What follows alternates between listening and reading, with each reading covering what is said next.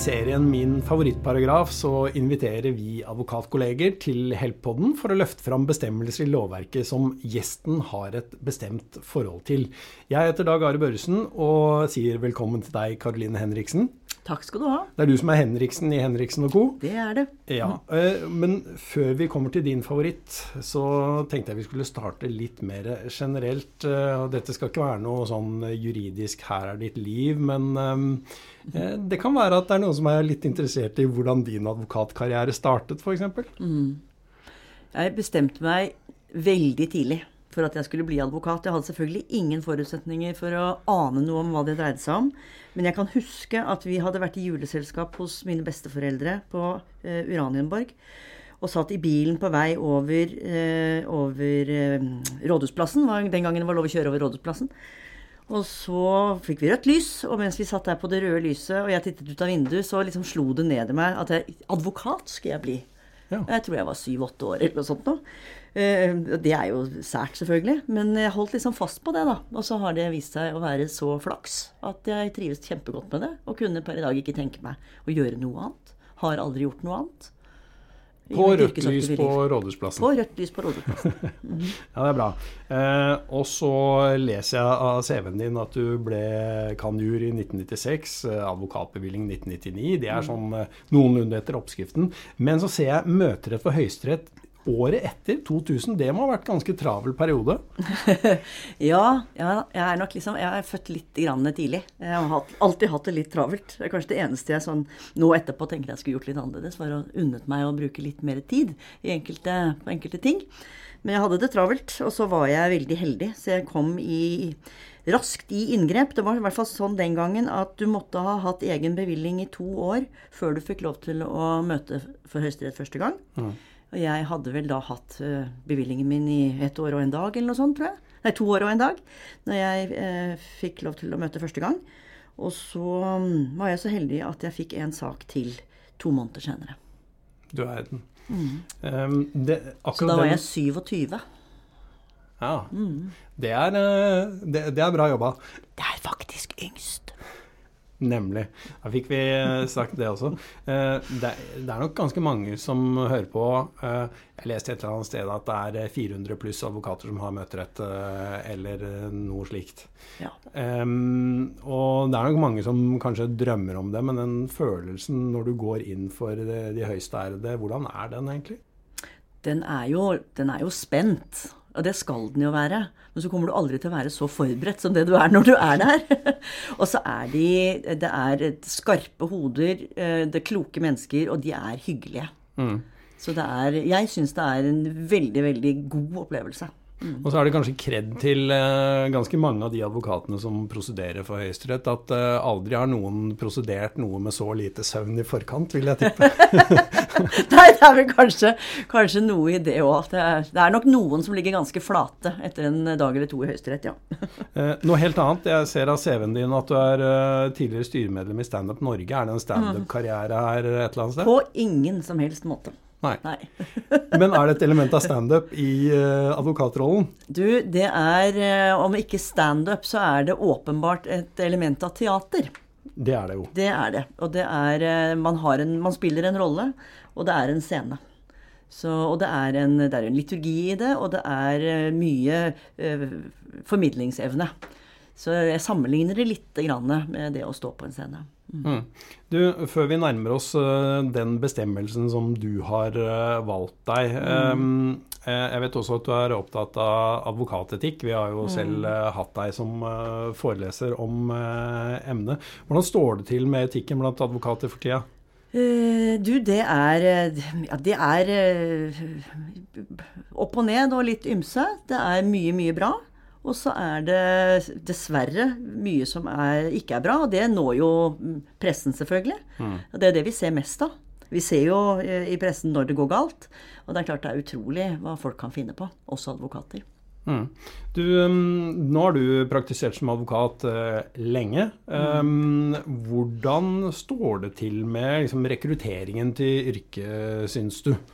Og um, hvor attraktive vi advokater fremstår, ref. sånne disiplinærsaker som når mediene osv. Jeg tror Eller, altså, det blir jo bare hva jeg tror. Jeg underviser jo også på, på advokatkurs i advokatetikk. Eh, det blir Vi har vel fire runder hvert semester, og det er en hel dag. Så vi får jo ganske mye dialog for så vidt med de som er på det kurset. Og jeg har jo ikke noe inntrykk av at dårlig omtale av advokaters etikk eller, eller, eventuelt i verste fall straffbare forhold i pressen. Jeg tror ikke det legger noen demper på rekrutteringen. Det tror jeg ikke. Jeg opplever nok at de som er yngre, er opptatt av av å gjøre det så godt de kan og, og, opptre skikkelig ordentlig og etisk, så tror jeg nok at de har en litt annen innstilling i dag til hva det er, enn det vi har vært vant med. Det er mm. generasjonsskifte der òg. Eh, det som bekymrer meg mer, det er jo at vi ser at rekrutteringen i utgangspunktet er god, men at det tilsynelatende er mange som faller fra. Eh, som starter som advokatfullmekter, og som ikke fullfører, på en måte. Eh, og, og blir i bransjen, men går over i andre typer stillinger. Mm. Eh, og jeg bekymrer meg litt over hva grunnen til det er, for jeg tror vi mister veldig mye flinke folk. Ja, Hva tror du grunnen til det er, da? Jeg tror det er et og det er jo et nødvendig onde, men så må man finne en balanse. Men at det er et, et voldsomt arbeids- og faktureringspress. Og jeg tror at det også setter etikken vår på strekk. Og det tror jeg nok at det til syvende og sist er ganske mange som reagerer på og ikke orker å være med på. Prioriterer og setter pris på andre verdier. Velger seg andre veier. Mm. Men um, altså Det er min påstand, da. Men um, jeg mener jo fortsatt at det hefter et litt sånn pengejagpreg over advokatrollen. Uh, ja, Det tror jeg ikke du skal kimse av på noen som helst måte. Jeg har jo sittet i disiplinærutvalget i Oslo krets og vet jo da fra årsmeldingen òg at det vi får flest klager på på advokater, det er jo salærene. Og det er ikke bare fordi folk er motvillige til å betale salærer. Men det er jo fordi, eh, i mange tilfeller vil jeg si at det er god grunn til det òg, eh, å stille spørsmål ved faktureringa. Ja, men Hvis du er litt bekymret for rekrutteringen, så kan det bli litt feil fokus da, eh, for ja, jeg, en del av de som vil inn eller ikke vil inn. Ja, og jeg tror, jeg tror Når jeg sa at jeg ikke tenker at det har betydning for rekrutteringen i utgangspunktet. At man starter med, med, med gode forventninger og tror at dette skal bli spennende og gøy. Mm. Og så kommer det faktureringskjaset. Eh, og det tror jeg det er mange som ikke ønsker å leve med i jobbsammenheng, da. Eh, og noen ganger så tror jeg det er fordi de føler at de blir presset til å ta betalt for ting de ikke syns de skal betalt, ta betalt for. Eh, og den andre biten er selvfølgelig at eh, skal du levere det arbeidsgiver forventer, så det, skal det jobbes ganske mye. Ja. Mm. Du, skal vi nærme oss den bestemmelsen som du har uh, ja, valgt deg? Ja, vi snakker jo litt rundt den nå, gjør vi ikke det? jo, jo, vi gjør det for så vidt. Men uh, hvis man ser på dine kompetanseområder, da, så, så, aner vi så, Eller det er i hvert fall mulig å tenke seg hvor vi skal hen. Fordi uh, den bestemmelsen vi, eller som du har valgt, den handler også gjerne om ganske mye penger. Ja, den handler, om, den handler, om, penger, og den handler eh, veldig ofte også om eh, mennesker. ja. ja. ja. skal vi bare hoppe På en eller annen måte. Ja, la oss gjøre det. Ja. Det er eh, arbeidsgiveransvaret, skadeserstatningslovens 2.1. Ja. ja. Og da er det begrunnelsen som er interessant. Hvorfor da, ble det akkurat hvorfor den? Hvorfor ble det akkurat den, ja. Um, jeg har jo jobbet veldig mye, og det er jo sånn tilfeldighetene ville ha det når jeg begynte å jobbe. Så uh, kom jeg til å jobbe for en advokat som var spesialisert innenfor eh, ikke personskadeerstatning, men pasientskadeerstatning. Så jeg begynte ganske snevert, men jobbet med, med erstatningsrett. Og har gjort det eh, hele mitt yrkesaktive liv. Eh, skjønte ingenting av det når jeg studerte. Altså, var, altså Hvis noen hadde fortalt meg det på universitetet, at du skal, du skal, jobbe med erstatningsrett, og du skal synes at det er kjempespennende, og du skal faktisk bli ganske god på det, så hadde jeg sagt at nå har du røkt sokkene dine. For det kom, ja, dette skjønner jeg jo ingenting av. Men det ble nå til eh, at det var der jeg havna. Og jeg eh, håper at jeg har skjønt litt mer av det etter hvert. Ehm, dette er en bestemmelse som favner alt som er relevant i erstatningsretten. Det er ansvarsgrunnlag, det er årsakssammenheng, det er utmåling. Og så har den gode sider også mot liksom, mer arbeidslivsjussen. Hva er en arbeidsgiver? Hva er en arbeidstaker? Hva er i arbeid for? Uh, og det er også eh, selvfølgelig disse begrensningene som ligger i bestemmelsen, som er interessante. Så det er, det er et kinderegg i erstatningsretten. Um, og så er det en del prosess òg. Og det er jo for meg det aller, aller viktigste. Jeg syns jo prosess- og tvisteløsning er det aller morsomste. Mm. Men så er det jo en ganske gammel regel. Jeg tror jeg leste meg til at den var fra 1969 eller noe sånt noe. Den, er, den har nok sin husbondeansvaret, hadde vi før det òg, men et annet sted. Men den, den kom med med, med, loven når den trådte i kraft.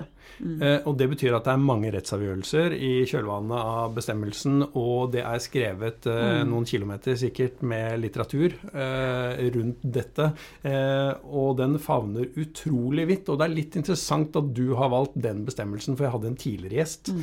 Eh, i eh, podden som hadde helt stikk motsatt utgangspunkt, som sa at snevre enkle, renskårne regler. Det er det som på en måte er den, eh, den, den skjønne regelen, den optimale regelen. Men du har valgt det stikk motsatte, egentlig. Ja, eh, og da har jeg vel valgt kanskje noe som er mer sånn sett vanlig i, i norsk lovgivning. Altså vi er jo ikke egentlig um, belemret med veldig mange klare rettsregler. Altså vi har klare rettsregler, misforstå meg rett. Men, men, hadde de vært så strømlinjeformede og godt formulerte og enkle å forholde seg til, så hadde jo vi eh, advokater vært arbeidsledige. Det er jo fordi det er rom for tolkninger og, og ting som skal vurderes. og grenser som skal prøves. Eh, hvis vi dykker litt ned i den, er det noen punkter her som er eh, mer spennende enn de andre? Eh, hva, hva, er en arbeidstaker?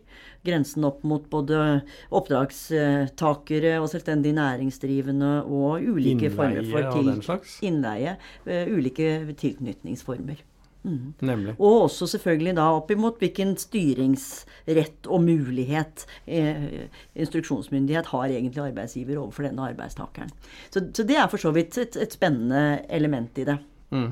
Men uh, vi nevnte at det er ganske mange uh, dommer, rettsavgjørelser, i kjølvannet av uh, Eller der denne bestemmelsen har spilt en viktig rolle. Er det noen sånn som er som betyr spesielt mye for deg, eller som du vil trekke fram i denne forbindelsen? Det har jeg nok ikke. Men det er jo mange sakstyper. Kanskje mer det ja. eh, som jeg tenker er, er en tematikk her. Um, altså det er jo f.eks. det offentliges erstatningsansvar. Mm. Eh, det er jo gjennomgående forankra i denne bestemmelsen. Eh, litt sånn uavhengig av hva det egentlig er det er snakk om. Om det er, eh, er tjenesteyting eller produksjon eller myndighetsutøvelse, så, så, er det jo tilbake igjen til arbeidsgiveransvaret. Stort sett. Mm. Er dette et ansvar som kommer overraskende på det offentlige, tenker du? Eller? Nei, det, nei, nei, nei det, det, tror jeg ikke på noen som helst måte. Der kommer det nok mye mer overraskende på de private arbeidsgiverne. De litt mindre arbeidsgiverne. Ja. De kan jo få noen overraskelser, selvfølgelig. Ja. Altså små virksomheter som kanskje har eh, tre, fire, fem ansatte.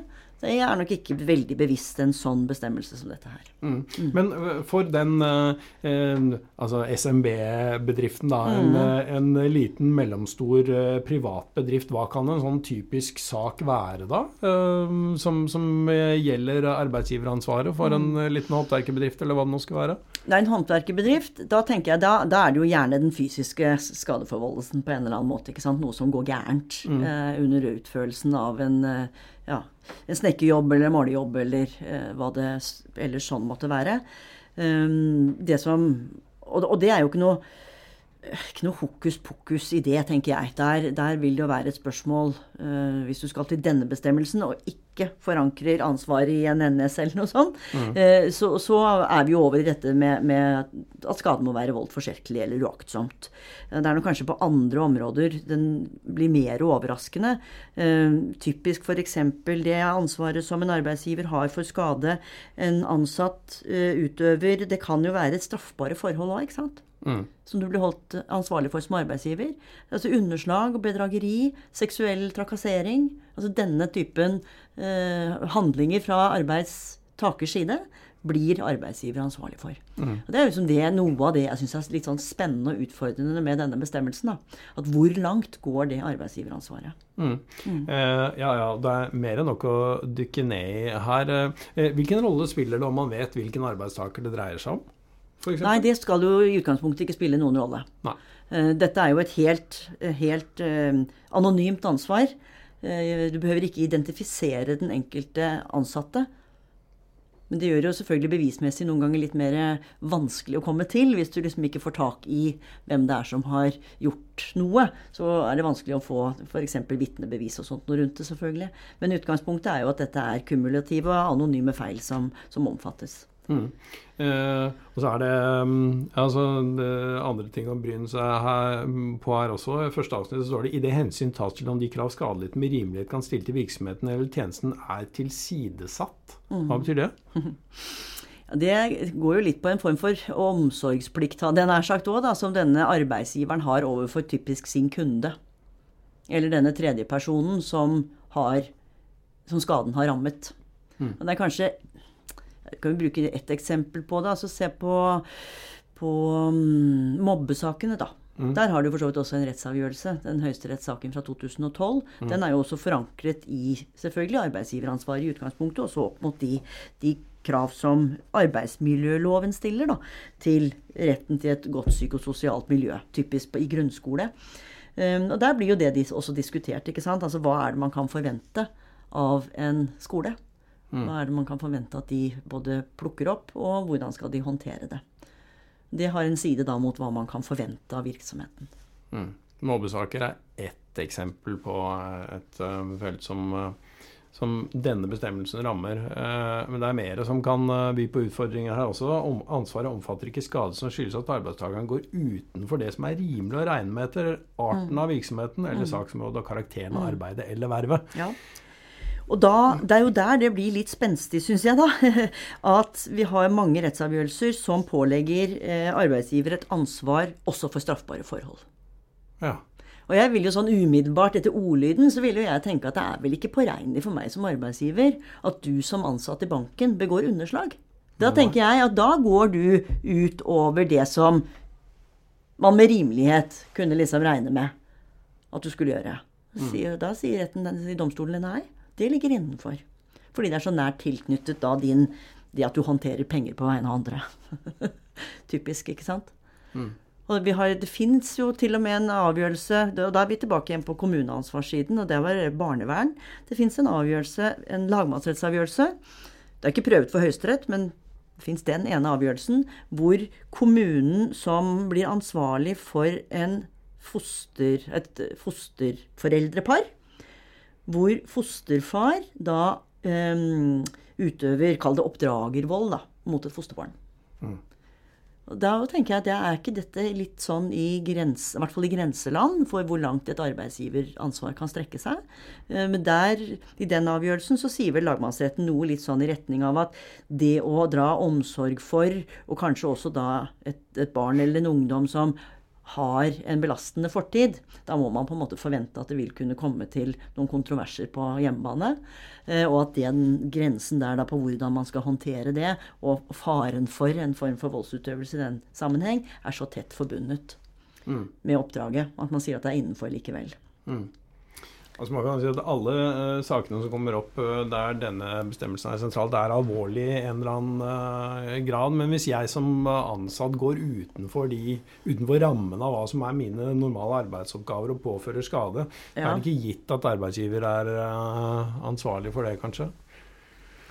Ja, du tenker du Hvis du liksom går utenfor fullmaktene dine, hadde jeg nær ja. sagt, ja, da blir det jo et spørsmål da, om du faktisk har, har, utført arbeid eller verv for din arbeidsgiver, eller om det er noe du foretar deg på privaten. Mm. Um, det er jo der den, den grensegangen ligger. Ja, Sammen med hva som med rimelighet kan ventes, da, ikke sant? Ja da. Mm. Ja, nei, altså Det er mulig det er søkt eksempel, men det fins mange krevende bestillere av håndverkertjenester f.eks. Og det fins uh, ja. håndverkere som gjerne vil please, mm. kanskje. Og så spør jeg om ja, men kan ikke du fikse det? Og så, jo, ja, jeg kan vel se på det. Og så mm. er han stakkaren uh, kanskje takdekker eller ventilasjonsmann eller uh, hva vet jeg. Og så lurer jeg han til å gjøre et eller annet som forårsaker mm. uh, totalhavari i mm. huset mitt. Da. Mm. Hvem har ansvaret for det, egentlig? Ja, nei, Det er vel en fare for, dessverre, at hvis det var, eh, var, eh, var uaktsomt fra arbeidstakers side, så faller det inn under denne bestemmelsen. Ja. Selv om du har blitt pusha til å gå litt lenger enn det du kanskje egentlig hadde på oppdraget ditt når du kom til adressen. ja. ja. Men du, eh, nå altså, vi har selvfølgelig i de rammene her, så har vi bare tid til å liksom eh, trippe litt i overflaten av bestemmelsen. Men mm. eh, da du satt og forberedte deg til dette her, hva tenkte du da? mer av det må jeg få med, og det må jeg få med? Nei, jeg, jeg, tenkte vel mer i retning av at det er, jeg, dette er for meg en bestemmelse som eh, som gir eh, så gode muligheter for eh, oss som er i advokatyrket, da. ikke sant? Det er en bestemmelse som gir deg muligheten til å jobbe med så mye. Mm. Eh, som sagt, alle, alle, erstatningsrettslige problemstillinger ligger inne i denne bestemmelsen. Det er prosess- og tvisteløsning der. Og så er det eh, dette tilsnittet over mot, mot eh, både arbeidslivsjussen, men også den, den, andre delen av et arbeidsgivers ansvar. Da. Jeg syns jo det liksom er, det viktig, er, viktig, i flere sammenhenger. Én ting er at du, du, har jo et ansvar, selvfølgelig, etter denne bestemmelsen, da, for arbeidstakers skadeforvoldelse. Men så tenker jeg at det, det det er jo konsekvensen av at noe har gått galt, og så ligger det et arbeidsgiveransvar der i forkant for å forsøke å hindre den typen skadeforvoldelse òg, ikke sant. Ved opplæring og oppfølging og ja. Og det er også en del av arbeidsgivers ansvar. Og kanskje det at jeg tenkte at den, den, den, åpner for å snakke om ganske mye som jeg er opptatt av. Dette er da en bestemmelse som på en måte eh, rommer alt advokatyrket kan inneha? da? Ja, jeg tenker at her får man muligheten til å, å bryne seg og bruke de, sine juridiske evner på veldig mange områder. Eh, både på liksom mer sånne definisjonsmessige ting, ikke sant? og det er mer sånn firkantet, men allikevel. Hva ligger i det å være arbeidsgiver? Hvem er arbeidsgiver? Hvem er en arbeidstaker? Er dette under utførelse av arbeid for arbeidsgiver? Mange elementer allerede der, ikke sant? men som går mer over på det arbeidsrettslige. Mm. Og så har du det erstatningsrettslige, som du får hele, hele eh, ansvarsgrunnlaget. Og det er jo denne typen ansvarsgrunnlag vi liker. ikke sant? Det er jo kulpa. Det er jo så deilig. det er jo så mye du, du, kan legge inn i det, og det er så mange elementer i det. Det er masse, masse juss. Um, og det er det òg i årsaksspørsmålet og i utmålingen. Men du, Man sier at jus og rettferdighet har ikke nødvendigvis mye med hverandre å gjøre, i hvert fall i en del eh, tilfeller. Syns du bestemmelsen er utformet slik at den gir eh, noenlunde rettferdig utslag i forhold til ansvaret til arbeidsgiveren og hensyn til den skadelidte og til arbeidstakeren? Hvis jeg skulle kjenne på noe i dag, etter at jeg har jobbet med det såpass mange år, så er det vel at jeg syns dette arbeidsgiveransvaret går veldig vidt. Sånn at, eh, at det, er, det, er, rettferdig pluss, tenker jeg. jeg syns nok man har strukket eh, arbeidsgiveransvaret ganske langt. Karoline, svarer du nå ut fra klientbasen du har hatt de siste 20 åra, eller hva tenker du om det? Ja, altså jeg, har jo, jeg har jo vært så heldig at jeg har fått jobbe på både skade-litte-siden i veldig, veldig mange år, og på ansvarssida. Jeg, og fortsatt så tenker jeg at jeg, er, jeg, jeg evner å være noenlunde balansert. men, men, når jeg sitter og, og, tenker på denne bestemmelsen og ser det ansvaret arbeidsgiver får for arbeidstakers ikke bare uaktsomme, men forsettlige skadeforvoldelse, også hvor det faktisk er snakk om straffbare forhold, eh, og, og til og med altså på integritetskrenkelsene. ikke sant? Altså, du, du, blir holdt ansvarlig for din arbeidstakers seksuelle trakassering av tredjepersoner, da tenker jeg at det har gått ganske langt uh, for arbeidsgiver. Så sett fra skadelidte-sida, det er da vi snakker om hva som er rettferdig, egentlig, så tenker jeg at absolutt, der er den rettferdig pluss. Og så, og så er den veldig stram, tenker jeg, for, for arbeidsgiver. Jeg syns det. Mm. Mm. Karoline Henriksen, tusen takk for at du kom til Helpodden og eh, hjalp oss å få øynene opp for skadeserstatningslovens paragraf 2-1. Bare hyggelig. Takk for at jeg fikk komme.